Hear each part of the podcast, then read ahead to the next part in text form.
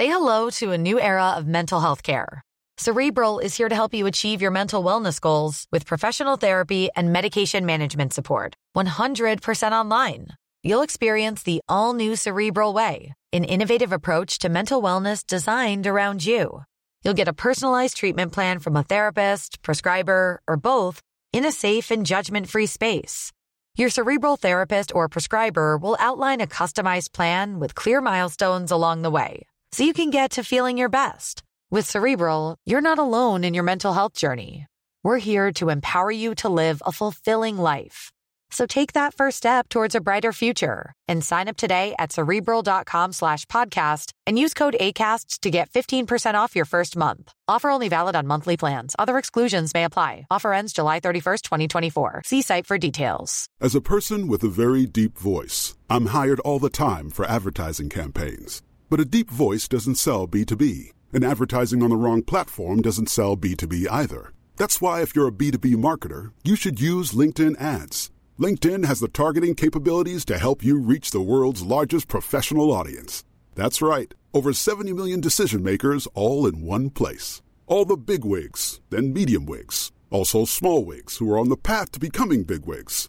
Okay, that's enough about wigs. LinkedIn ads allows you to focus on getting your B2B message to the right people. So, does that mean you should use ads on LinkedIn instead of hiring me, the man with the deepest voice in the world? Yes. Yes, it does. Get started today and see why LinkedIn is the place to be to be. We'll even give you a $100 credit on your next campaign. Go to linkedin.com slash results to claim your credit. That's linkedin.com slash results. Terms and conditions apply. Hej alla fotbollsälskare där ute!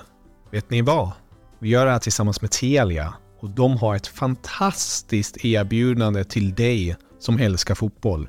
Telia har nämligen ett paket som samlar all fotboll. Och då menar jag just all fotboll. Från Telia, Discovery, TV4 Play och Viaplay för bara 699 kronor. Ni hörde rätt. 699 kronor kan ni få se Premier League, Champions League, Allsvenskan, Bundesliga, La Liga, Serie A. Ja, ni hör de underbaraste och största ligorna där ute och även här på hemmaplan med Allsvenskan. Så för 699 kronor kan ni se all fotboll och som en liten bonus, det är ingen bindningstid. Så du kan börja streama direkt. Mm, ni hör. Att samla sporten smartare. Det är Telia. Nu fortsätter podden. God lyssning.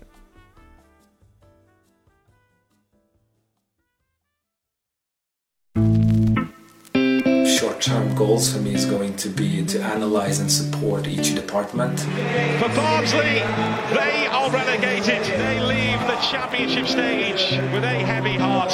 Gregory has it for Wednesday. Split inside the box. And Wednesday win it with a diving header. Sheffield Wednesday back in the championship. Breaking Barnsley hearts in the last seconds of extra time. Khaled El Ahmad är inne på andra året som VD för Barnsley. Efter ett turbulent debutår där han fick hoppa in på jobbet i september blev det degradering från The Championship ner till League One.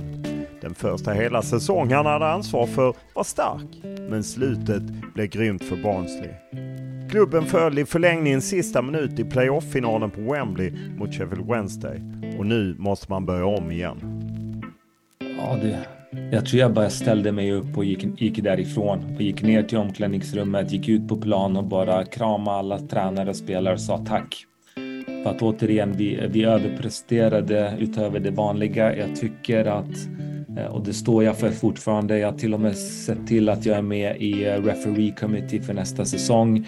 Um, men, men det var två felbeslut. Det sa de efter matchen. Det är ingen som kommer erkänna det, men eh, de kom fram till mig efteråt. Och jag skulle säga att 95 procent av, av alla som tittade har, har vi deras sympatier. De andra 5 procent är Sheffield Wednesday-fan.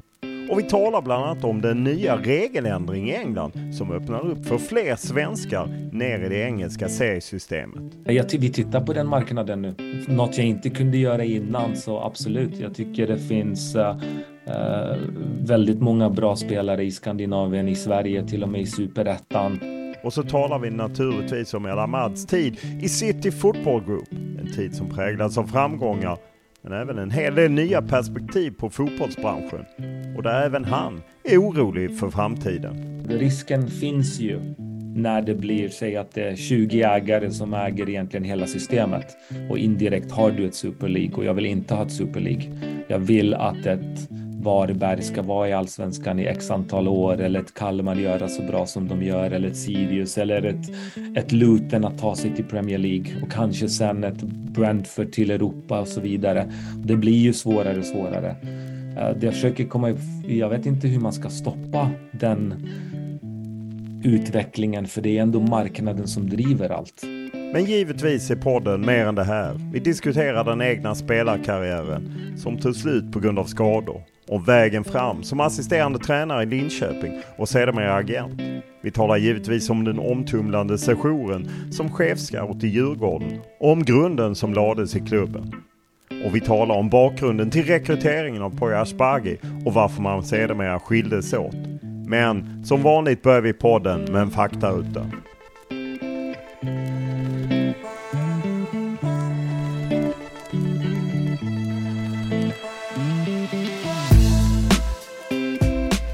Ålder? 42. Bor? Uh, England, Barnsley. Familj?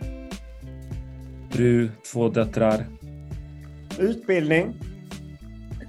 Uh, ja du. Uh, MBA uh, i marknadsföring och international business från min tid i USA. Uh, tjänar? Ingen kommentar. Vad kör du? En Audi E-tron. Vad läser du? Uh, just nu läser jag en bok som heter The Culture Code. Vad tittar du på? Uh, Silo på Apple TV. Vad lyssnar du på? Uh, Humlan Dujo när jag nattar barnen. Vad spelar du på? Uh, spelar inte. Vad skulle du klassa som den största upplevelse du haft i något fotbollssammanhang?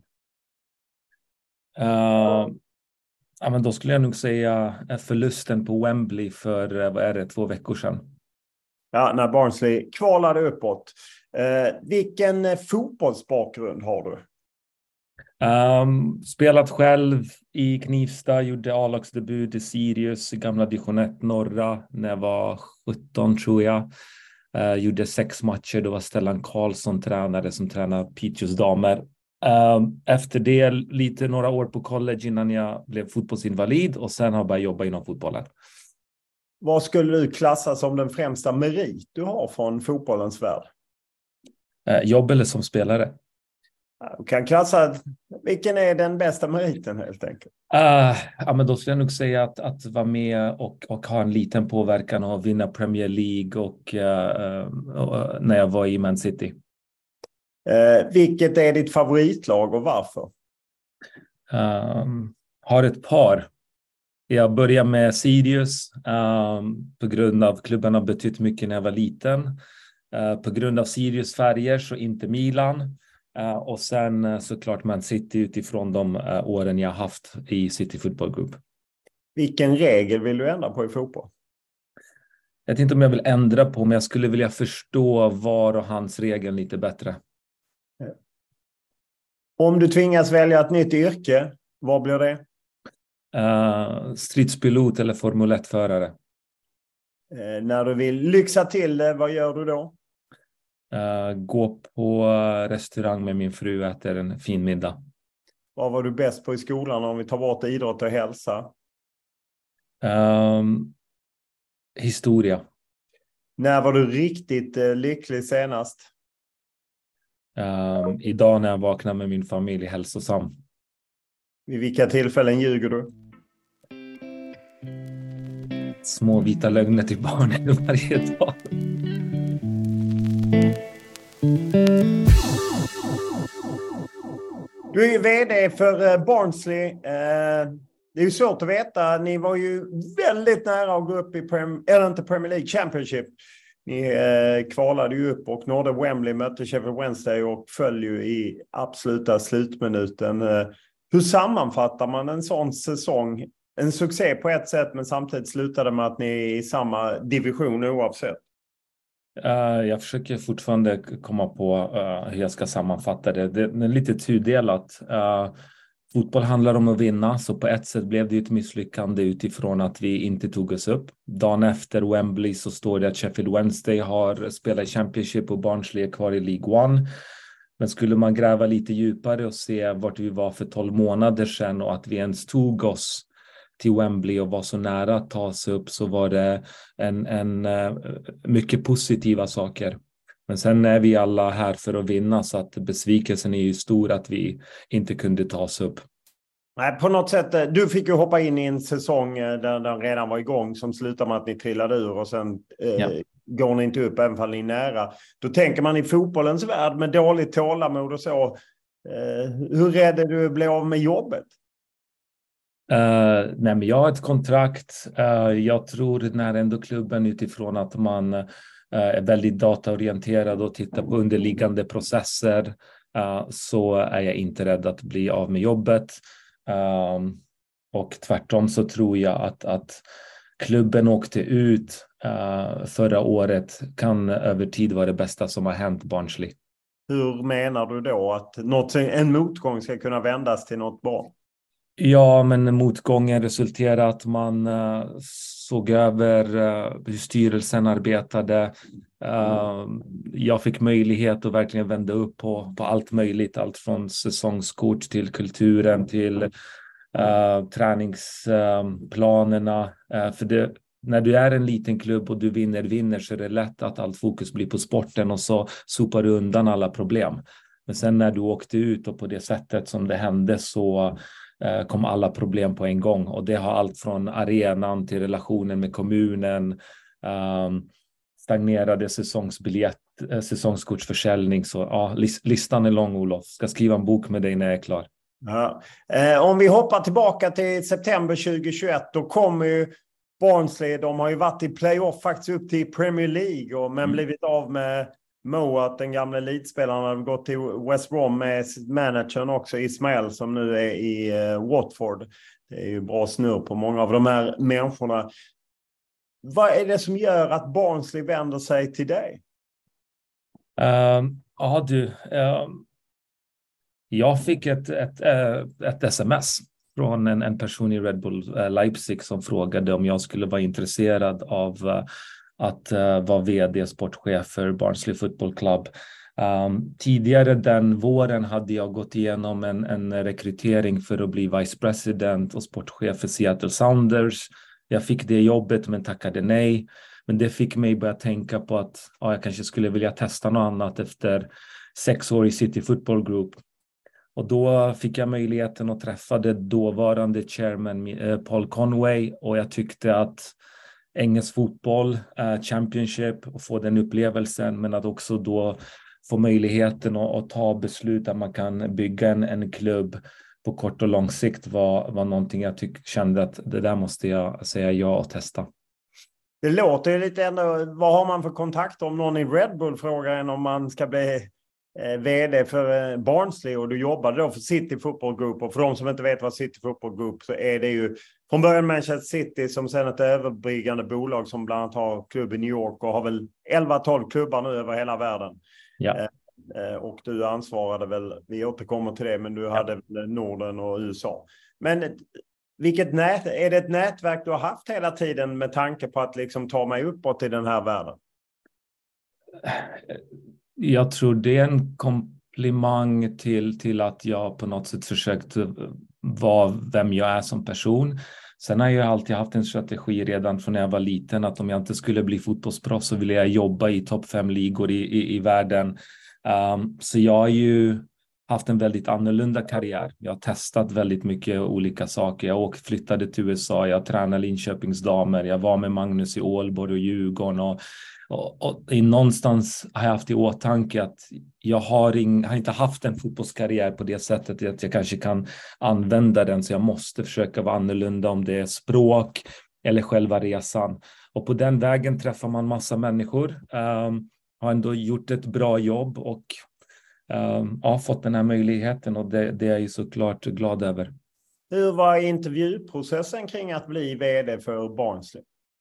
Uh, vid det tillfället var ju också covid och så vidare, så att det, det var eh, diskussioner med styrelsen och eh, chairman. Vad var det de var ute efter eh, när de liksom letade efter en vd till en klubb då som låg i Championship, andra ligan, som ju är kanske tuffaste ligan eh, sett till att de flesta ägare går back när man ligger i den serien? Så det var ju lite perspektiv utifrån att eh, man ville ha någon som hade en förståelse för eh, multigroup eh, ownership eftersom dåvarande chairman ju har ju också och är involverad i diverse andra klubbar. Ehm, ville ha någon som hade erfarenhet av USA, Europa och de flesta marknaderna utifrån ett, ett nätverk, spelarperspektiv och sen bakgrunden med eh, alltså som jag ändå har med MBA och um, lite entreprenörskap. Men grunden som de ville ha, så som de har drivit klubben, är mer som en alltså vd, sportchefroll. Klubben har inte en sportchef. Eh, så de ville ha någon som hade förståelse för både och, både affärer och eh, fotbollen. Du kom in hösten 2021, går inte alls lika bra och förväntningarna naturligtvis varit höga med tanke på att man hade varit i ett playoff och även om man tappat viktiga spelare och tränare så spelar det mindre roll. Ett relativt tidigt drag är ju att du plockar dit Poja Asbaghi som ju hade varit, då var u förbundskapten. Hur, eh, hur gick tankarna där? Ja, så att på scen. jag kom där 14 september. Eh, en månad senare så gjorde, eh, eh, sparkade, då, sparkade jag då Marcus Shop. Ehm, väldigt tidigt såg att det var väldigt, väldigt mycket som inte var välplanerat. dålig försäsong, gamla anställda som lämnade mitt i försäsongen, i slutet av försäsongen till att gå med väl. Um, Sen när vi anställde Poja, som jag sa, vi är väldigt datadrivna så att den styrdes av data. Pojas namn var med redan 2019. Jag tror att de gav jobbet till Gerhard Stuber vid den tidpunkten istället för Poja. Um, ehm, sen har det bara varit en, vad kallar man det, coincidence utifrån att han var svensk. Men det jag ska ändå ge credit till Poja för att under in, eh, intervjuprocessen så skötte de sig väldigt bra. Ehm, den var väldigt lång. Det var sex olika intervjuer. Man fick lämna in väldigt mycket eh, projektarbeten. Eh, intervjuades av mig, styrelsen, vår fysio för att kolla hur man gör tidsplaneringen. Ehm, och i och den processen till slut så blev det att, att vi tyckte att Poja och, och Ferran var, var rätt vid den tidpunkten. Vad är det som gör att Poya Asbaghi dyker, dyker upp på datapunkter? Vad är det som gör att han blir intressant för en klubb som Barnsley som då är väldigt datadriven? Uh, då var det utifrån eh, e, eh, uh, uh, återerövringen och när man tittar på när Göteborg spelade där man ändå hade mycket boll, men vi tittade mycket mer på hur snabbt man vann tillbaka bollen. Men när de var possession-orienterade så var de närmare sin försvar, när de tappade boll som kunde vinna en tidigare. Det var också erfarenheten av att spela med ungt lag. Eh, Barnsley vill och är ett av de yngsta lagen i England. Så det var någon som har förståelse att kunna ge unga spelarna chansen att ha det modet. Och sen också att han hade den internationella erfarenheten med, med U21 som gjorde honom uh, intressant. Men det var ju inte specifikt runt data. Men just runt data var det fanns en tydlig spel, spelidé och uh, åter, återerövringen. Eh, han är ju kvar till säsongens slut. Ni är ju på något sätt med och hänga kvar ända in i, i slutet. Eh, hur var det att ni inte klarade av att hänga kvar i Championship? Ja, det... Ja. Jag har fortfarande inte kommit över det. Man, man reflekterar hela tiden på vad som skulle kunna göras bättre. Uh, och klart man alltid på något sätt kan lära sig någonting på vägen. Men det var ju där precis efter januari fönstret stängde när vi fick möjligheten att ta in Bassi, Kinja. Kenya. Eh, alla underliggande siffror visade att vi, vi var bättre än egentligen sju lag i botten. Vi fick lite momentum, vi ledde mot Fulham. Eh, hemma när vi tappade i 86 minuten. Vi ledde mot Stoke, tappade i 89 minuten och sen eh, var det ett, lands, ett uppehåll där i mars och jag tror vi var bara tre poäng bakom Reading med en match mindre spelad. Och, och, då händer det saker som du inte kan kontrollera. Mittbacken blir skadad, Hellick som nu är i Huddersfield. Han blir trampad på foten av en U21-spelare som är där bara för att täcka. Uh, så han är inte med. Målvakten stukar handen. Så helt plötsligt går vi in i Reading med att vi måste vinna, men det blir lika. Och eh, efter det tappade vi, tappade vi egentligen Eh, energin eller orken och mycket kan summeras runt att vi hade väldigt, väldigt många skador. Om man tar en spelare som Mats som har varit så pass viktig för oss i år, uh, spelade in, inte hela säsongen. Ta Colton Morris som varit uh, tongivande för Luton som gick till Premier League, skadad väldigt mycket. Um, så att vi hade bra spelare, vi hade en chans, men ty tyvärr klarade vi inte av det och uh, ja, en erfarenhet man bär med sig. Eh, du, det är ju även ytterligare en svensk, eh, David Wernersson, som kom från LB07 som var med som klubbsekreterare under ett år. Hur kom, var det också en tillfällighet eller var det Nej. för dig? Det var, det var genom mig och det var, jag hade en, en kort uh, sejour i, i Nyköping där jag konsultade, jag lärde känna David, vi har hållit kontakten sen, uh, Eh, väldigt smart, ambitiös, intelligent. Eh, eh, person. Han gick också igenom en intervjuprocess. Det tror jag var fem kandidater som vi tyckte, där han imponerade mest. Jag var tydlig att, att jag inte vill anställa någon bara för att jag känner den personen, utan man på något sätt måste gå in i processen och, och förtjäna jobbet och, och det gjorde han. Och han gjorde ett väldigt bra jobb, men av privata skäl så uh, valde han sen att, att uh, flytta tillbaka hem. Hur resonerade ni när ni inte förlängde med Poja? Just med tanke på det, dels att han hade bra datapunkter, gjorde bra intervjuer och att det var skador och så som... Varför körde ni inte vidare med Poja? Jag tror en kombination att vi hade förlorat så oerhört mycket. Jag kände någonstans att Eh, jag skulle kunna fortsätta på den vägen. Jag tyckte ändå på Ferran och vi hade en assisterande tränare, Josef Lohman, eh, den kombinationen av bra människor, väldigt bra på det de gör, var intressant. Men när jag tog ett större perspektiv och tittade på hela klubben så behövde vi en total reset. Um, och då valde vi att, att, att uh, gå vidare. Uh, men diskussionerna fanns och titta på möjligheten om, om han skulle uh, vara kvar. Men till slut var det bästa för alla parter att, att börja om på nytt. Hur är det att trilla ur och på något sätt försöka samla ihop bitarna och, och börja bygga om från början? För jag menar de spelare som varit bra, de drar ju och så. Hur, hur är det i jobbet när man både är vd och sportchef och ändå i en väldigt liten klubb?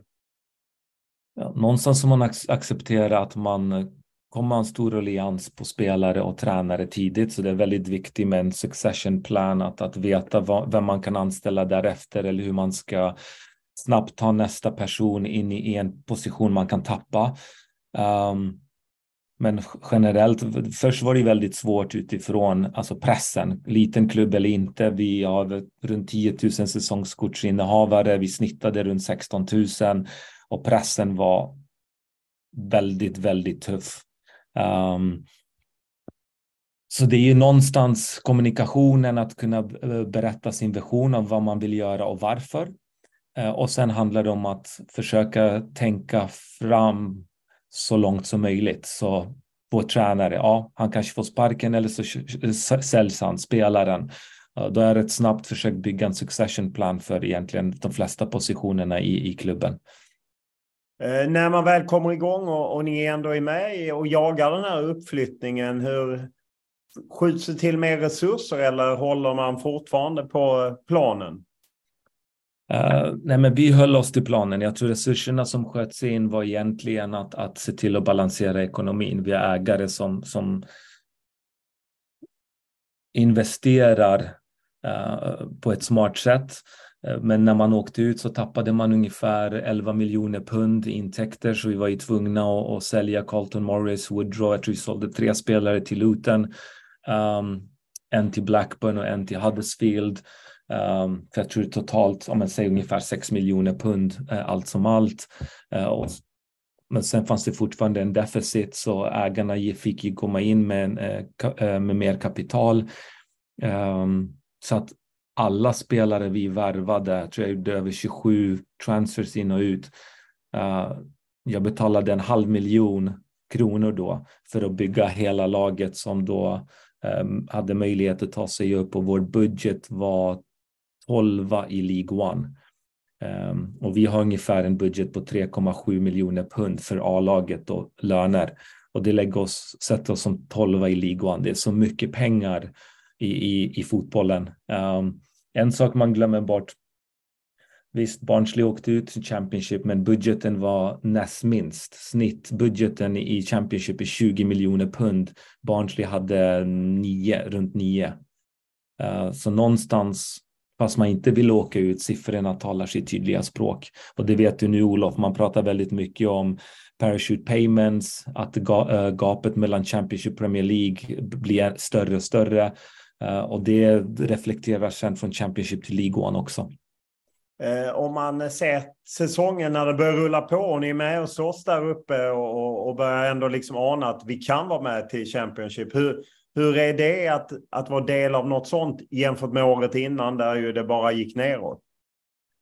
Från att ha fått över tusen brev, negativa brev med diverse anledningar av varför jag borde lämna klubben, eh, så vänder det rätt snabbt när man vinner. Um, så att absolut kändes det bra. Eh, men både när vi åkte ut och haft den här bra säsongen så, så har jag hela tiden försökt att hålla bort känslor och hela tiden tänkt process. För risken finns ju att vi ja, inte... det. Det låter som en klyscha. Men faktiskt så går det. Eh, kanske inombords så känner man lite mer press runt, runt bröstet, men, men generellt så om man har en tydlig plan som jag ändå tycker att, att vi har så, så är det också fotboll. Det finns ju saker du inte, du inte kan kontrollera. Um, vi fick en straff på hela säsongen, vilket det i sig är ofattbart. Uh, när jag ändå har tre mejl sparade i inkorgen där uh, Pemgol har bett om ursäkt tre gånger. Där vi borde ha fått... För, för straffa. Pemgol för de som inte vet, det är då alltså att man gör en... Är det FA som styr den? Ja, och det är egentligen The Referee Association. Ja, och de går mm. tillbaka. Brighton hade väl fyra i Premier League, att de Ex. fick ursäkt. Ni har fått tre ursäkter för straffar ni borde fått. Exakt. Exakt, och det är ändå nio poäng. Och hade vi fått dem när man skulle få dem så kan ju allt ändra sig. Och, och vi ska inte ens prata om själva finalen med VAR, det jag tycker där kanske lät känslorna ta överstyr där jag sa att eh, vi blev rånade i, i, i, komment, i intervjun direkt efter matchen. Men eh, alltså jag tror absolut är man glad, men jag tror den, det mest positiva är ju runt fansen och hur alla börjar komma igång och vi sålde slut när vi mötte Sheffield Wednesday mot Bolton. Eh, kommunen målade sin town hall röd och det blir ett väldigt sug när det blir positivt lika mycket som det blir väldigt, väldigt negativt när man förlorar. Det finns ingen mitt emellan. Eh, ta oss till Barnsley. Jag har ju varit där. Jag har ju varit på Oakwood Ground och sett på fotboll. Men jag vet att det ligger ett stort eh, glasföretag precis vid stationen och så tågar man ner. Men det känns som en eh, klassisk eh, gruvstad i, i Yorkshire, engelsk arbetarklassstad. Och hur är då, hur, vad betyder fotbollen där?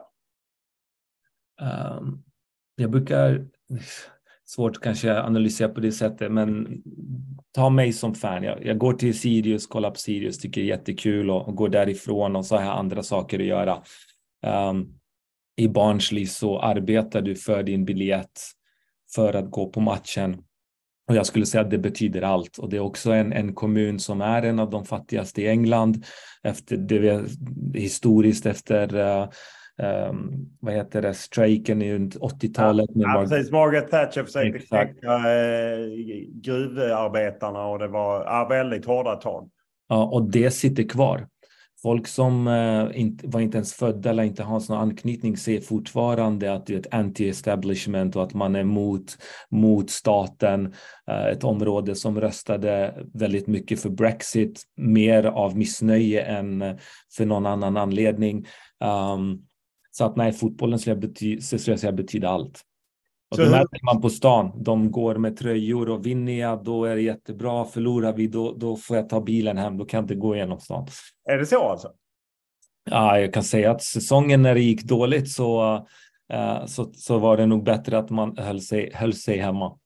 Var du rädd någon gång? Nej, det måste jag ändå säga att de har den respekten. Men uh, de har inga problem med att berätta vad de tycker. Uh, hur var då känslan när ni tar er till playoff, tar er vidare och når Wembley där ni ska möta Yorkshire-rivalen Sheffield Wednesday som väl ändå är någon slags storebror i historiskt sammanhang. Hur, ja. hur, är det när man förbereder sig för en Wembley-resa för Barnsley? Ja, och, och, göra det på en vecka. Att på en vecka sälja över 25 000 biljetter och du ska beställa alla bussar och vi blir ansvariga för egentligen vår allocation.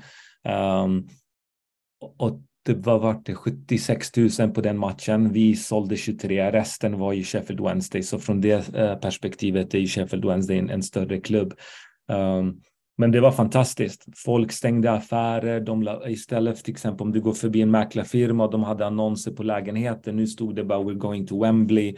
Det var någon som hade lagt ut eh, ett skink över mot, motorvägen som sa “Last man turn off the lights”. Um, och det var ju nästan hela Barnsley som, som dök upp i, i, på Wembley. Och hela den helgen är magisk. Um, vi åkte ner redan på fredagen. Vi spelade måndagen, lördagen var ju Championship-finalen, söndagen var League 2. Vi åkte redan på fredagen med laget, uh, hade en privat visning, fick gå på Wembley på kvällen när det var tyst. Det var mer för att spelarna inte skulle få en wow-känsla, för de har ju aldrig varit där. Sen tog vi dem på Luton, uh, Luton Coventry för att höra ljudet och uppleva det. Um, och sen var det förberedelse för vår, för vår match på söndagen. Medan Sheffield Wednesday som var där förra året, de dök dagen innan. Uh, hade en äldre, äldre trupp. Men nej, Olof, du ställde en snabb fråga, en av de största upplevelserna. Det här var något magiskt. Min dotter fyllde sju år den dagen. Uh, förutom resultatet, um, fantastisk upplevelse. and virtually all the Barnsley fans have left or are queuing up to get to the exits because they can't bear to see what's going on in front of them, mainly because, and I agree with them, they feel their team probably deserved to win this playoff final, but football just doesn't work like that, I'm afraid.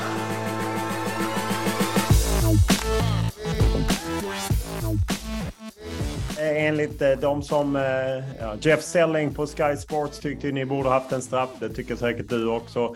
Ni fick ju en utvisad. Det är dramatik. Det går till förlängning trots att det är en man mindre. Och så precis när det ska bli straffar så avgör Wednesday. Hur är... Ta oss till den stunden. Ja, det, jag tror jag bara ställde mig upp och gick, gick därifrån och gick ner till omklädningsrummet, gick ut på plan och bara kramade alla tränare och spelare och sa tack. För att återigen, vi, vi överpresterade utöver det vanliga. Jag tycker att, eh, och det står jag för fortfarande, jag har till och med sett till att jag är med i eh, referee committee för nästa säsong.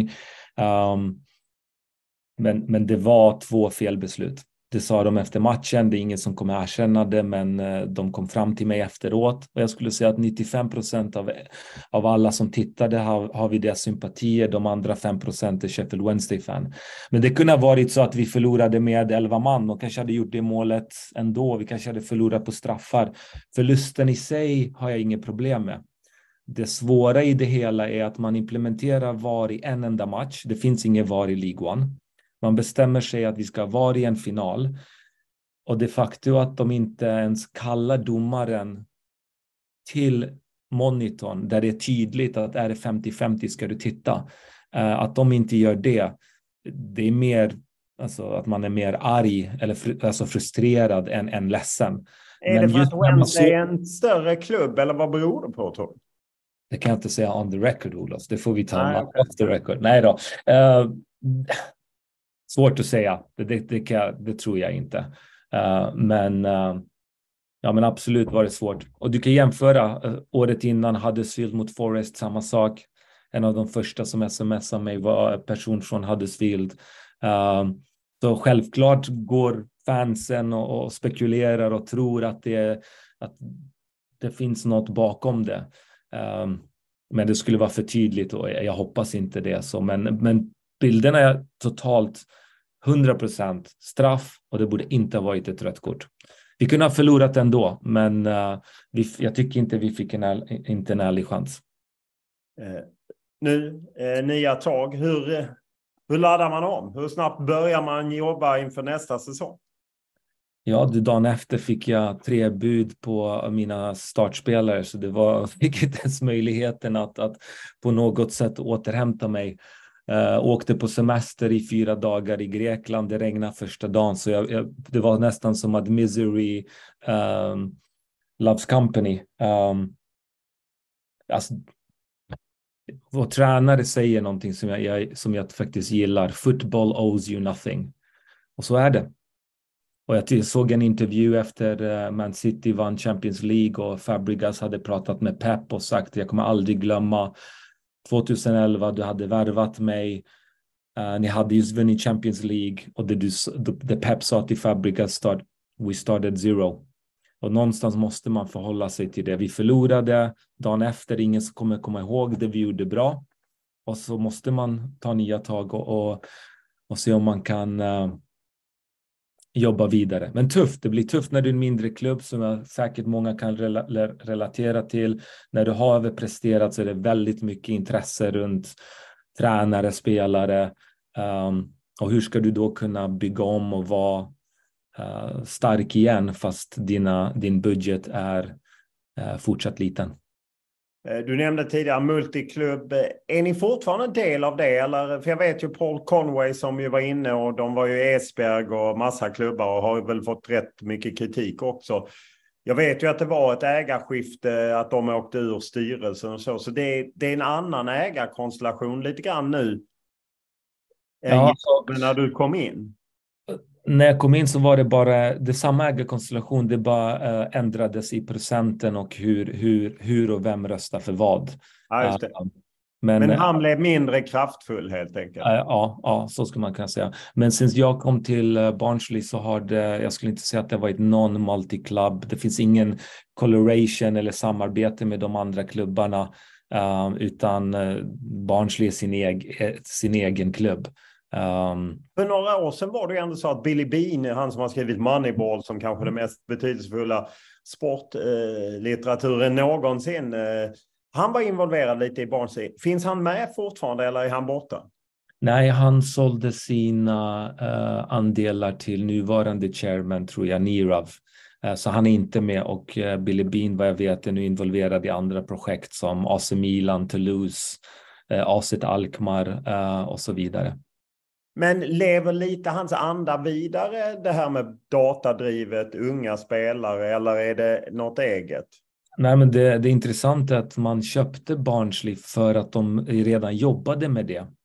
Så när de köptes, eh, eh, då Billy Bean och Paul Conway eller eh, PMG köpte Barnsley, då hade de redan börjat jobba med sin egen dataapplikation genom då James Grine som är minoritetsägare Um, och det har egentligen fortsatt och det var en av de sakerna som jag, jag tyckte var väldigt intressanta. Uh, jag kan säga att vi värva, alla spelare vi värvade i år såg, vi såg inte en enda live. Allt var video och, och data och har visat sig vara väldigt intressant för det har funkat. Vad är det ni letar efter främst? Nu försöker ju vi är rätt tydliga med hur vi, hur vi vill vara. Jag skulle säga att Mini, Red Bull, Leipzig, Liverpool, att vi pressar högt så att vi har tydliga um, event data points som vi tittar efter. Eh, vi köper inte en spelare som är äldre än 23 eller 24. Um, ehm, vi kan värva någon som kanske är äldre, men vi bygger ett squad balance där vi vill inte vill ha någon som är äldre än 30, förutom kanske en. Ehm, och försöker pressa ner eh, åldersstrukturen. Och I snitt när vi var i Championship så var vi nere på 23,1. I år var vi ungefär nere på 23,4 och är i League One var vi yngst. Championship förra året var vi yngst. Sen finns det några lag som är lite yngre, men målet är att vara, att vara ett av de yngsta lagen i, i Europa. Hur är det att eh, sätta upp ett mål för eh, en klubb som Barnsley? Jag gissar att man kanske har, ser Luton Town som kan gå från hela vägen från botten upp till Premier League, att det gör att det är en möjlighet. Men samtidigt så måste man ju ändå finnas någon slags vardag. Vad är, liksom, vad är ägarnas mål med att äga Barnsley? Uh, ett är att kunna se om man kan driva en klubb processorienterad och man ska säga, självfinansierad, vilket är rätt svårt i, i fotboll i sig, men det, det vill man på något sätt vilja uppnå. Uh, men målet är absolut att ta sig upp i champion, Championship, etablera sig med möjligheterna att, att få den där playoff-spotten och sen kan ju allt hända och Luton är ju ett bra exempel. Och glöm inte, tre, tre år sedan var ju Barnsley där och förlorade mot Swansea. Uh, så det är, inget är omöjligt och jag tror det är därför man, man, man håller på med fotbollen. Um, men de är noga med hur pengarna investeras.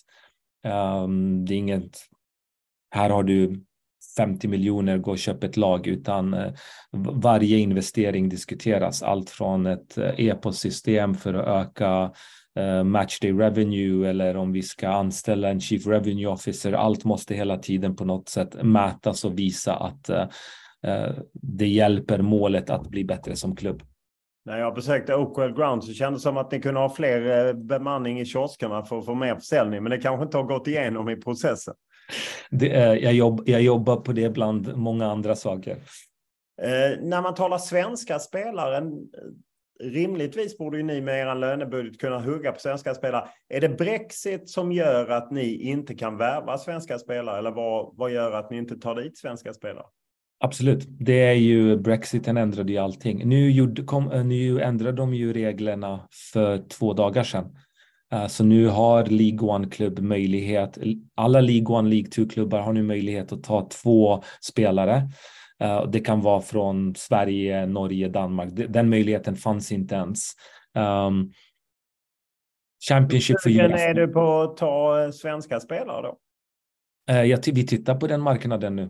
Något jag inte kunde göra innan, så absolut. Jag tycker det finns uh, väldigt många bra spelare i Skandinavien, i Sverige, till och med i superettan. Tar man Mats Andersen som köptes, nu kommer jag inte ihåg, jag borde nog veta det här om det är Horsens eller Hobro men som har visat sig varit fantastisk för oss. Um, så absolut har vi... till i höst kan ni ha i teorin två svenskar som du värvar. Ja. ja. Så du börjar titta nu på superettan kanske, mer än allsvenskan?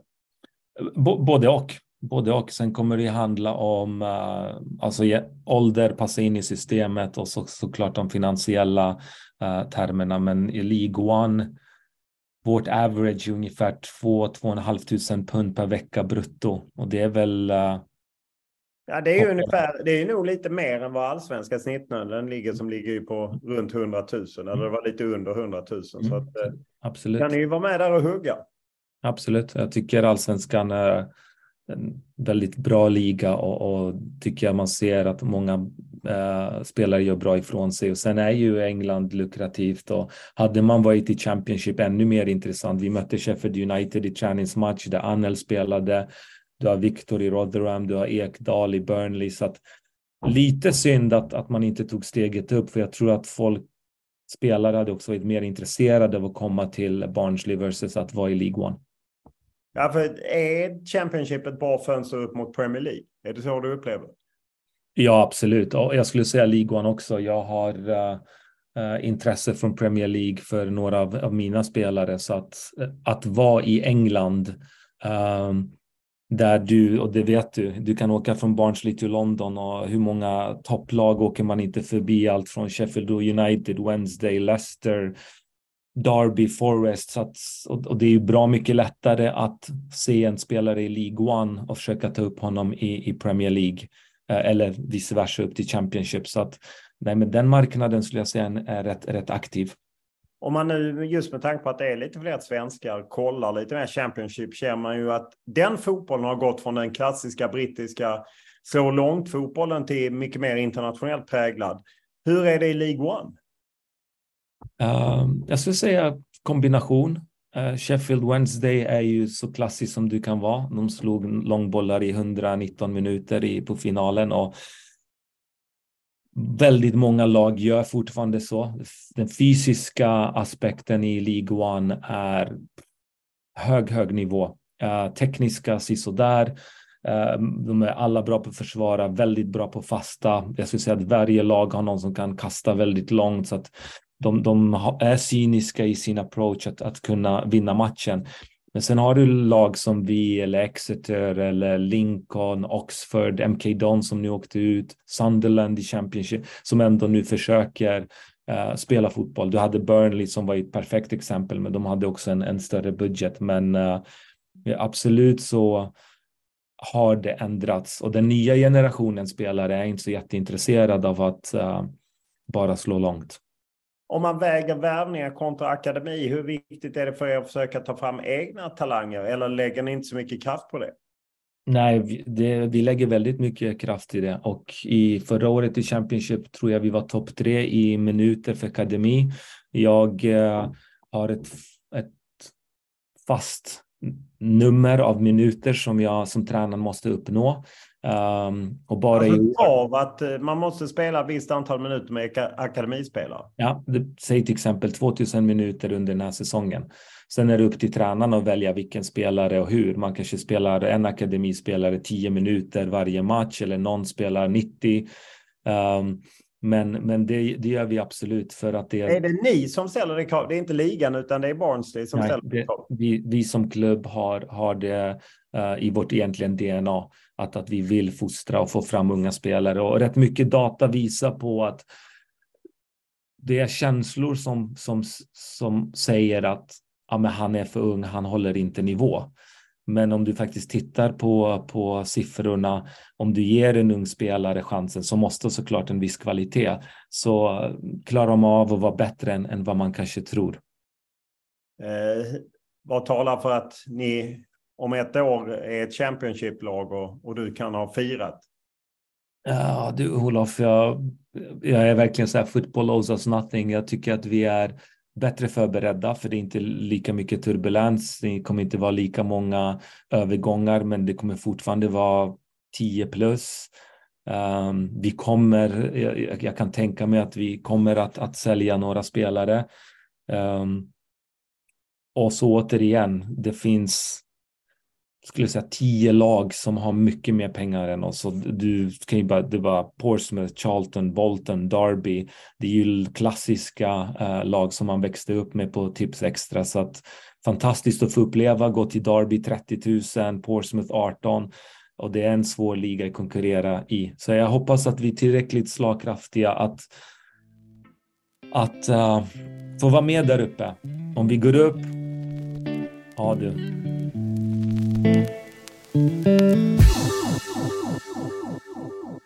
din eh, fotbollskarriär började på något sätt i, i Uppsala, Knivsta nämner du själv. Du är från Libanon, kom till Sverige som nioåring 1990 och så. Vad, vad gjorde att du fastnade för fotbollen?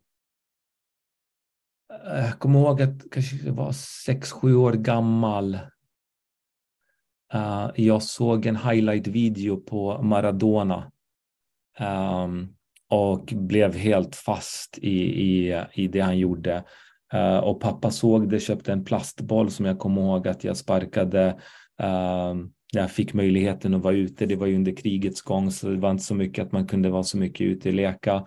Sen när jag väl kom till Sverige och första varje gång jag kom till, när vi kom till Sverige och sen varje gång vi förflyttades till de olika flyktinganläggningarna så var fotbollen på något sätt en, en länk till de andra kulturerna men också sen en länk till svenska samhället för mig när vi väl fick uppehållstillstånd och flyttade till Knivsta så var det det som gjorde att jag lärde mig språket, fick vänner som jag har än idag, som faktiskt några av dem kom till Wembley. Uh, och där, där är fotbollen så oerhört stark. För mig är det inte en sport, det är en, det är en movement, en institution. Um, och jag tycker att klubbarna har ett ansvar att ge tillbaka och titta på mer än, än att bara spela eh, fotboll om man säger så. Så för mig, för mig har det betytt väldigt, väldigt mycket och eh, jag är tacksam både för sporten och för Sverige. Eh, du spelar ju som du nämnde själv i Sirius division 1 men tar ju sen steget över till USA för att både spela och utbilda dig. Var det ett sätt, insåg du att du inte skulle nå hela vägen som spelare och såg fotbollen som en väg till en bra utbildning eller hur resonerade du? Som en 16-17-åring så eh, när man var, gick andra äh, ring i gymnasium och sen skulle börja trean så tror man väl att man kan bli nya Zlatan. Uh, och det intressanta, här kommer jag faktiskt uh, aldrig glömma, vi, vårt Sirius 81-lag tog oss till final i juniorallsvenskan där vi sen förlorade mot IFK Göteborg. Uh, och då kommer jag ihåg Stellan Karlsson var tränare och han gick och såg Malmö Göteborg. Så kom han tillbaka så frågade vi, ja men Stellan, vad, vad, vad tror du? Uh, Göteborg hade slagit Malmö då. Då hade han sagt att jag har sett en spelare som är det bästa jag sett och det var då Zlatan. Um, så det var ju kul. Vi torskade sen den finalen, så man tänkte ändå att man hade den möjligheten. Um, fick spela i division 1 norra, um, som ändå är idag som, som superettan. Men jag har en pappa som är akademiker. Jag var väldigt skadebenägen. Jag har på något sätt alltid gått min egen väg. Ehm, så då ville jag testa någonting annorlunda. Så då hamnade jag i USA och det visade sig vara ett av de bästa besluten. Jag tränade med Chicago Fire. Då var det Jesse March, eh, DeMarcus Beasley, Carlos Bocanegra, eh, Chris Armas på den tiden. Ehm, innan jag då sen blev skadad vid eh, 21 års ålder. Vad var det för skada som satte stopp? Uh, jag har ingen, har ingen brosk i mitt knä, så korsband, menisk, allt, allt försvann. Jag fortsatte spela, men blev bara sämre och sämre. Men jag har också insett, när jag varit på den här nivån, jag var inte tillräckligt bra.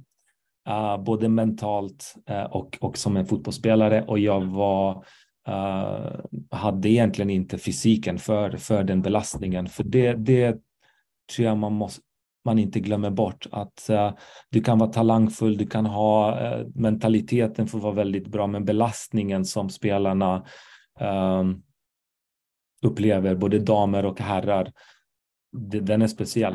Du är hela tiden på gränsen för du pressar din kropp till maximum eh, och vissa klarar bara inte av det.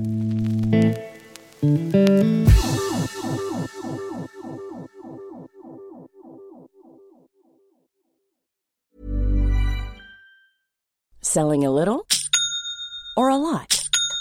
Shopify helps you do your thing however you cha-ching. Shopify is the global commerce platform that helps you sell at every stage of your business. From the launch your online shop stage to the first real life store stage, all the way to the did we just hit a million orders stage. Shopify is there to help you grow. Shopify helps you turn browsers into buyers with the internet's best converting checkout. 36% better on average compared to other leading commerce platforms because businesses that grow grow with Shopify. Get a $1 per month trial period at shopify.com/work. shopify.com/work.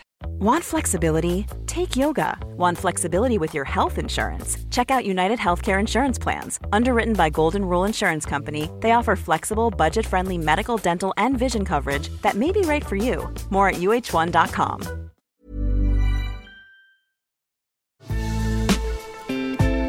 Umeå har varit Sveriges fotbollsdrottning i fyra säsonger. Nu har de fått en maka på sig och lämna över tronen till Linköpings FC. Nej, det är helt fantastiskt. Jag vet inte, man är bara helt darrig just nu. Så... Alltså, jag är fortfarande skakig i benen, så det, det betyder mycket detta. Eh, när man kollar lite i pressarkivet, du bloggar för UNT, du jobbar med Magnus Wikman i Linköping, ni har gått skolan ihop, ni vinner eh, SM-guld med Linköping, du förmedlar lite spelare. Det känns som att du är överallt på något sätt och vill in överallt. Så var det verkligen. Uh, och det var ju som jag sa Olof, att jag jag rätt tidigt visste vad jag ville vara, älskade Championship Manager eller Football Manager och satt och spelade till två på natten. Um, och jag insåg rätt tidigt att jag måste vara annorlunda och jag tänkte, försökte sätta mig i den stolen jag är idag. Då tänkte jag så här, hur kan jag relatera till en agent, till eh, damfotbollen? Så vi har ju startat ett damlag i år. Um, och då tänkte jag så här, jag måste göra så mycket olika saker så att när jag sitter i en intervju eller pratar med en stor klubb eller vill eh, förhandla. Då har jag upplevt alla de sakerna och det har visat sig vara en lång men spännande resa som har gett mig möjligheter att och träffa många människor och, och uh, skaffa också goda, goda vänner på vägen. Du jobbar med Magnus Ipman, ni vinner SM-guld med Linköping, men ganska snabbt försvinner du till Aalborg till Magnus Persson. Var, hur kom det sig att du och Magnus Persson hittade varandra? Var det efter han hade varit i Sirius eller? Uh, alltså, första gången jag träffade Magnus eh, Persson var 2004 tror jag i, i, ehm, i eh, USA. Um, ehm, och det var genom att några av mina college-spelare eller lagkamrater hade gått till Sirius, uh, Ty Dombrowski. Så lärde jag känna Magnus. Magnus var alltid intresserad av egentligen USA, MLS. Uh, så kom han på besök och så blev vi goda vänner och är än idag väldigt goda vänner. Um, jag gick in i damfotbollen. Eh, när jag fick den möjligheten så var det återigen att men här får jag uppleva någonting annat. Det var aldrig att um, det är ena bättre eller sämre. Ehm, alltså den respekten jag har för damfotbollen efter att 2009 jobba nära Aslani, Sara Larsson, Caroline Seger ehm, förändrade hela min bild av, av damfotbollen. Då hade jag ändå en väldigt stark bild av vad var i USA och college-systemet. Um, men jag ville bara testa något annat. Så då gick jag till Ålborg, gjorde det i en säsong Sen eh, fick jag möjligheten att jobba för Team Was, eh, Wasserman, vilket är en av de största agenturerna, vilket jag gjorde, men jag insåg rätt snabbt att, att agentvärlden var nog inget för mig. Eh, och sen lämnade ju Magnus Ålborg och skulle gå in i Djurgården och fråga om jag ville vara med på den resan och då sa jag ja. Ja, du blev chefscout i Djurgården. Det är ju en turbulent tid i Djurgården. De eh, Bosse Andersson och har ju försvunnit. Jag tror Henrik Berggren är väl kvar kanske, men kommer att försvinna. Och Bosse Lundqvist hade ju lämnat och det är stora förluster och inte så stora framgångar. Och tittar man i pressarkivet så är det ju många rubriker, inte minst eh, även kring dig. Dogge Doggelito ska ha värvat någon argentinare och du var hård mot eh, eh spelare, både Kennedy Igbo Ananik och Janni Lyski. Och, ja, det var det ena med det andra. Du anklagades för agent och så. Hur ser du tillbaka på de åren. Som slutade ju med att Magnus Persson hoppade av efter hot eh, som han upplevde. Och, ja, verkar vara turbulenta år. Absolut. Och tittar man tillbaka så har man ju säkert lärt, lärt sig mycket. Jag tycker ändå att vi agerade på det sättet som vi tyckte var bäst för Djurgården och på något sätt så ska, äh, rensade vi och skapade en, en grund sen med Simon Tibbling, Bergström, Amartey, eh, äh, Erton, äh, eh, Kamara, x, x antal spelare som sen såldes och på något sätt äh, hjälpte till ekonomiskt. Um, vi tog oss till SM-final, förlorade mot straffar mot Göteborg. Varje säsong blev lite bättre. Ja, du menar cupfinalen? Exakt, cupfinalen ja. Olof.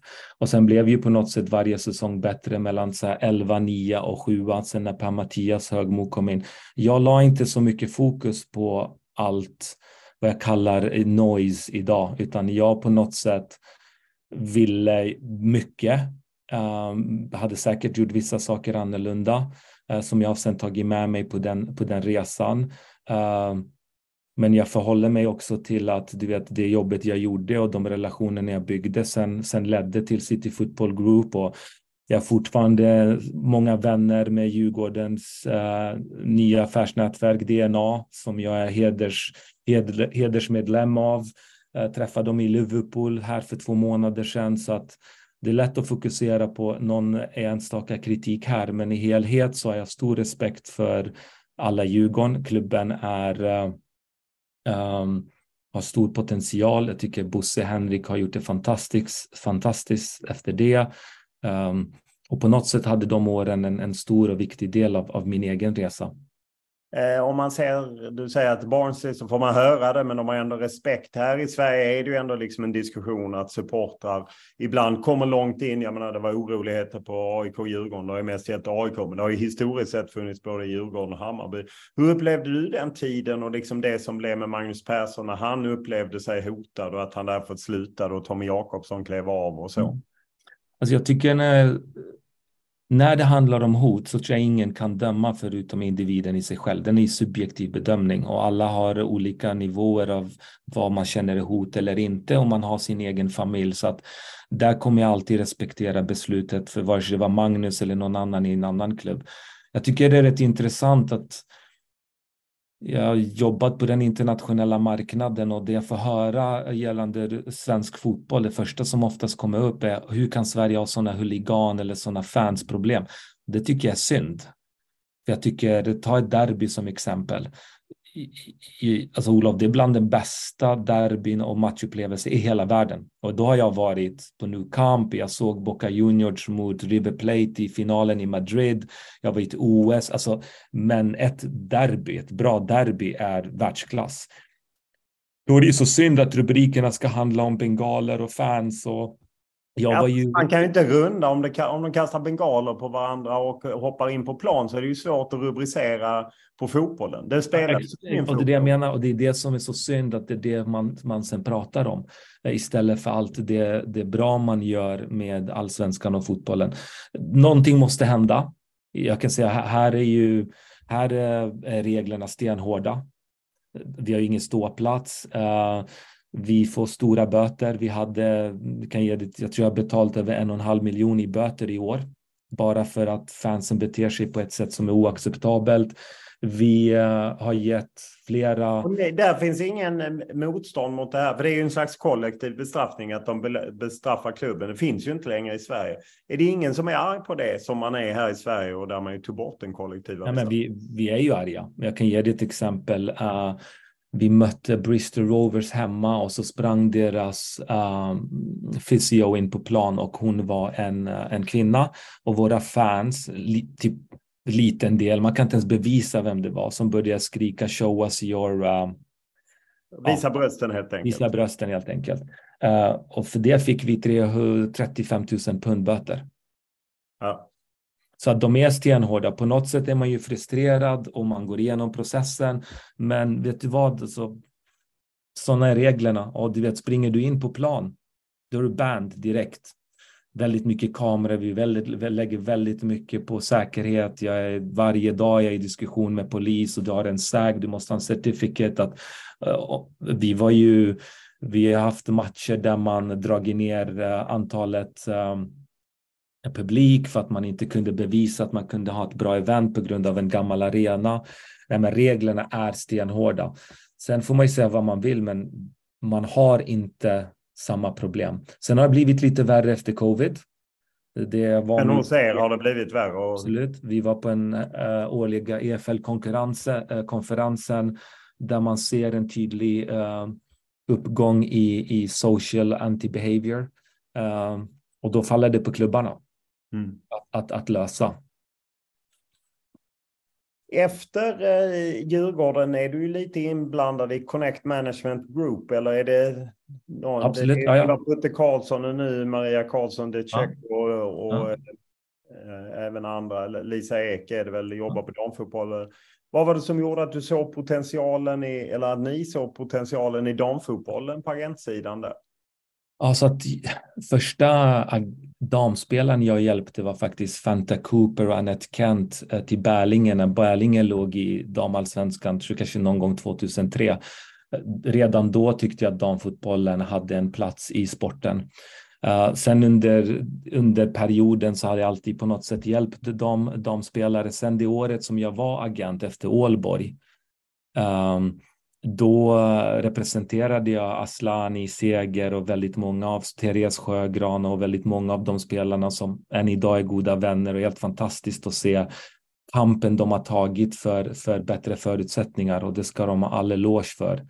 Um, och då efter då jag lämnade Djurgården så funderade jag på vad, vad ska jag göra? Och då tänkte jag, nej men det här, det här kommer att bli stort. Så då träffade jag Putte Karlsson, det var Patrik Bjärred Andersson, Kristoffer Ottosson, diverse människor som hade på något sätt samma, samma visioner. Så slog vi ihop allting. Uh, jag kommer ihåg Maria, jag hjälpte henne en gång till Doncaster för länge, länge sedan som en vän och jag sa redan då, någon dag kommer du vara vd och, uh, och agent.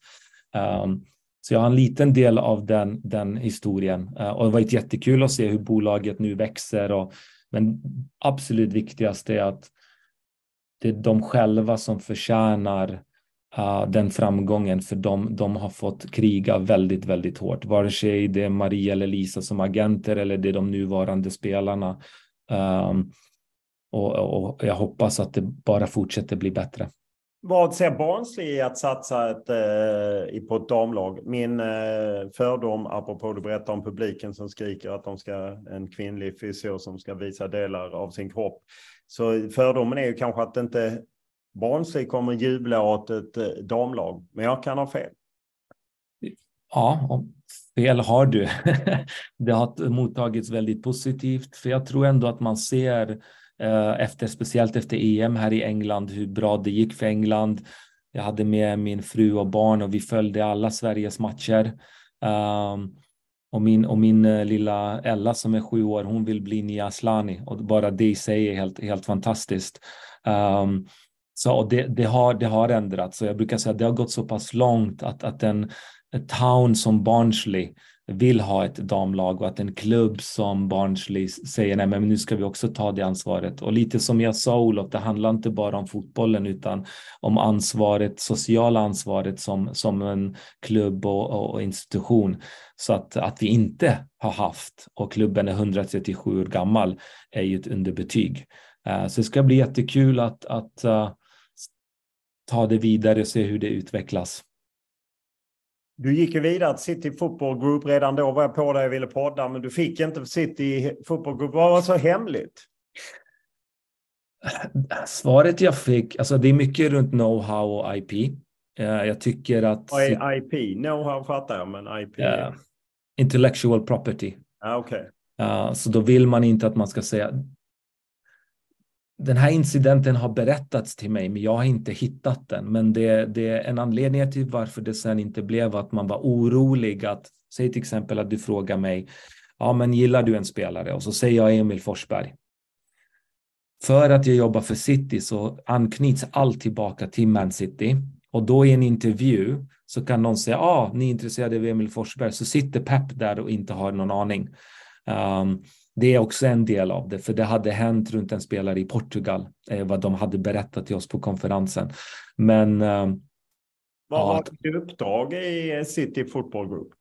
Så när jag först fick jobbet um, så var det för att jag hade den uh, erfarenheten av Europa uh, och hade bott i USA. Man hade då just 2014 uh, eh, grundat NYCFC med första säsongen 2015. Så efter den första säsongen anställde man sedan Patrick Vieira. Då ville man ha någon som skulle vara director of Concacaf och Skandinavien, alltså i rekrytering som då hittar talanger för alla um, lag i gruppen samtidigt som jag var den interna, om man säger head of recruitment, för att jag var då rätt mycket i New York. Um, och det var, det var det jag hade, det är så det började. Jag spenderade massa tid i Panama, Mexiko, Curacao, Jamaica, Kanada, MLS för att City Football Group skulle förstå den marknaden samtidigt som vi då byggde upp NYCFC där med eh, Tinneholm, Bergret och Fori, eh, Alexander Ring Eh, och helt fantastiskt att, att man fick vara med på en resa som sen resulterade i en MLS Cup uh, final två månader efter att jag lämnade City. Men då är City så pass bra att de bjöd in mig privat till uh, Etihad och så fick jag ta bilder med både Premier League-trofén och uh, MLS Cup-trofén för att man var väldigt delaktig i det. Så um, Ja, och sen utvecklades det. Sen kom Gerona och Troa och Lommel och Tollinson. och de, de är väldigt effektiva hur de jobbar. Så att sen fick jag möjligheten att vara med mer utifrån strategiskt av hur man bygger upp lagen, um, de olika lagen. Men rekryteringsmässigt, säg att Man City behövde målvakt eller New York eller Girona eller Troa. Då går man från sina regioner, man får bara lägga in namn från sina regioner in i då den centrala diskussionen. Så det finns x antal i Brasilien, de fokuserar bara på den regionen. Så alla spelare från Skandinavien, eh, USA då skickades från mig och så gick man igenom massa olika processer innan spelarna anställdes. Men när det gällde New York så var jag den sista checken och supportra då Patrick och Claudio Reina och David Lee med alla förhandlingar och, och spelare som vi tog in. Eh, om man ser till att du ändå kommer liksom från den svenska eh, föreningstraditionen och 51% regeln och så plötsligt jobbar med multiklubbar och man skickar spelare emellan. Det finns ju spelare som aldrig kommer nå Manchester City eller ens vara nära. Utan hur, hur, hur är det att vara liksom i någonting helt annat? Um, både bra och annorlunda. Ehm, jag gillar ju någonstans det Tyskland och Sverige gör. På något sätt att det ändå tillhör fansen om man säger så. Ehm, men samtidigt den professionalismen som, som eh, det blir när det är ja, ett City Football Group eh, och hur mycket man får lära sig och hur proaktiva de är och teknologiskt framåttänkande um, ehm, är fantastiskt. Eh, pressen blir ju sen såklart mycket, mycket större för den är cutthroat utifrån att om du inte gör ditt jobb eller gör det bra eh, så finns det verkligen ingen, eh, ingen tid för det. Jag tycker det är intressant. Jag vet inte riktigt än om jag tycker det är rätt eller fel för att jag ser det positiva, jag ser det negativa. Um, det jag är det hoppas... negativt ändå att en eh, klubb som Manchester City plötsligt har massa klubbar i Europa och att de i, i teorin kan liksom ställas mot varandra i Uefa-tävlingar. Nu är ju det förbjudet men man aviserar ju ändå att man ska se över och kanske öppna för att det kan bli så. Och det var lite det jag ville komma till. Det, risken finns ju när det blir, säg att det är 20 ägare som äger egentligen hela systemet och indirekt har du ett Super League och jag vill inte ha ett Super League. Jag vill att ett Varberg ska vara i allsvenskan i x antal år eller ett Kalmar göra så bra som de gör eller ett Sirius eller ett, ett Luton att ta sig till Premier League och kanske sen ett Brentford till Europa och så vidare. Det blir ju svårare och svårare. Eh, det jag försöker komma, jag vet inte hur man ska stoppa den utvecklingen, för det är ändå marknaden som driver allt. Eh, tittar man nu också på NFL, de gör ju åt, åt andra hållet. De försöker ju lägga massa matcher runt om i världen, för de ser ju att det finns mer pengar. Så någonstans är det ju synd att allt handlar om pengar.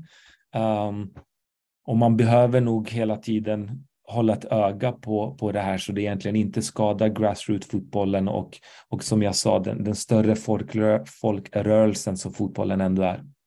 Hur kände du kring att jobba? En fråga som har dykt upp mer. Eh, Sporttvätt, sportswashing, Abu Dhabi. Det är ju inte staten Abu Dhabi utan det är ju vice premiärminister Sheikh Mansour och han är ju med i kungafamiljen som pumpar in enorma pengar i, i City Football Group och så och Manchester City. Hur, hur kände du att, att de kom in och det vi liksom ifrågasätter mer idag? Jag tycker att man ska fortsätta ifrågasätta. Um, Sen finns det ju delar av det att någonstans måste de ju också försöka att förbättras. Um, de har kanske inte haft samma förutsättningar eller samma demokrati eller samma tänk och sen kanske en kultur annorlunda från den annan. Men just att, att man ska ifrågasätta human rights och det, det, det ska man aldrig sluta oavsett vem som äger klubben. Um, Gjorde du det i City? Som anställd? Det jag frågasätter kanske man frågade är hur kan vi bli bättre i de sakerna? Alltså att pengarna inte bara används för att egentligen köpa spelare utan kan man faktiskt förbättra folks liv och så vidare. Det enda jag kan säga i City, allt från högsta ner, att det har varit fantastiska människor, oerhört professionella ehm, och jag hade en bra upplevelse. Men jag tycker, precis som du runt Qatar och nu det här med Saudi, um, det ska ifrågasättas. Ska det stoppas? Jag vet inte. Det var inte samma diskussioner när det var Kina som helt plötsligt skulle ha sin liga. Um, är det några kulturella skillnader i det hela? Um, men det ska absolut ifrågasättas. Eh, om man ser till dem, eh, jag menar det finns ju 115 anklagelser som du säkert inte missat kring Manchester City. Eh, och jag vet ju att du har känningar in i, i organisationen fortfarande. Hur, hur mycket hade det skadat om de hade blivit straffade och fällda för att faktiskt ha fuskat? Ja, så jag tror ska, ska, skadan skulle vara enorm. Uh, och fram till att alltså är man skyldig så är man skyldig, är man oskyldig är man oskyldig. Jag hade den här diskussionen häromdagen med, med en uh, annan fan av ett annat Manchesterlag uh, som säger att ah, ni vinner bara för att ni har mycket pengar och så vidare. Men så enkelt är det inte. Visst, de har mycket pengar, men om du jämför med Chelsea och United och Barcelona eh, så har ju ändå City haft en strategi, en tydlig idé. Eh, jag tror ingen visste att Ake eller Akanji skulle göra så bra ifrån sig, fast de kanske betalade dyrt. Det var ändå spelare som verkligen passar in i modellen. Och där tror jag att man ändå ska ge cred till de som jobbar operativt på plan. Um, och det andra rätts, rätts, rättsväsendet ska ha sin rätt. Det svåra Olof är, är Man City den enda klubben som gör fel? Och vart öppnar man Pandoras box? Ja, helst hoppas jag att öppna Pandoras box och allt möjligt så att vi vet om flera gjort fel mm. City, om de nu blev fällda. Ja, mm. du är inte aktiv där längre, men eh, jag förstod att du var och firade trippen i Manchester ändå. Eh, absolut, jag träffade också en, en, min gamla uh, chef Brian Marwood i tisdags och han var fortsatt hes. Uh, nej men absolut, jag, jag, brukar åka till Manchester, jag var på uh, deras match mot Arsenal, jag har tagit spelare från Man City, så fortsatt en väldigt god, god relation med dem. Um, och brukar fråga om, om hur de driver sin, sin klubb. Så att nej, en, en organisation med, med bra människor, uh, det är det. Hur ser du på din framtid? Du har ju ja, anställda barnsim. Vad, vad siktar du? Jag vill så högt som möjligt, topp fem. Men det har på, på ska man säga, årens gång eller på vägen insett att projektet och människorna är nog viktigare än eh, vilken liga jag är i. Sen har jag haft möjligheten att jobba för världens bästa klubb. Jag har fått haft ett, ett drömjobb i form av det jag hade i City. Visst, du kanske inte var sportchef utifrån titeln, men att man fick vara så nära um, A-laget och de titlarna och hur de arbetar och resorna man fick göra runt om i världen. Så kanske jag inte har samma Uh, att jag måste vara sportchef eller vd för topp 5. Men, så det är lite tudelat. Det är på något sätt målet, men jag tror till slut projektet och uh, uh, människorna runt omkring kommer nog att, att, väga över. Du sa att du hade tackat nej till Seattle Sounders där du kunde blivit få en hög post. Hur många andra anbud har du tackat nej till? Många. Uh, och ett år kvar på kontraktet och efter året man har haft så, så har det varit väldigt mycket intresse.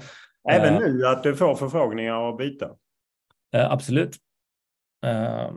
men ja, projektet och det är bra människor här nu och får vi se hur det, hur det hela utspelar sig. Men det har varit allt från... Kan du ge några detaljer?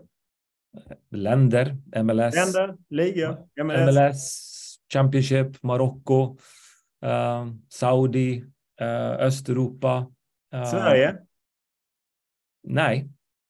Inget Sverige? Inget Sverige. Nej, okej. Okay. om du liksom inte blir kvar i Barnsley, vad lockar mest? Är det en flytt eller är det faktiskt att ha klivit upp i Championship och få lite mer resurser i en liga du ändå känner lite bättre? Nej, det är verkligen, jag skulle nog säga om alltså projektet. Visst, skulle du få möjligheten i Premier League eller topp 5, jag tror inte någon skulle säga nej. Men att uh, om det inte är internationellt, då, då, skulle det vara, då skulle det vara hem till Sverige med, med barnen och familjen och Sverige betyder fort, fortsatt så mycket för oss. Uh, ja, men. Men inget från Sverige än så länge. De, uh... Nej. Nej, vi får väl se. Stort tack för att du ställde upp. Absolut Olof, tack så mycket. Tack. Podden är producerad av Jakob Nalerius och klippt av Daniel Eriksson. Vi hör gärna av er. Är det beröm, kritik, önskemål, ja vad det nu än handlar om. Enklast är att mejla mig olof.lund.tv4.se eller skriva till mig på Instagram eller Twitter och då är det Olof Lund som gäller i ett ord. Stort tack för den här veckan.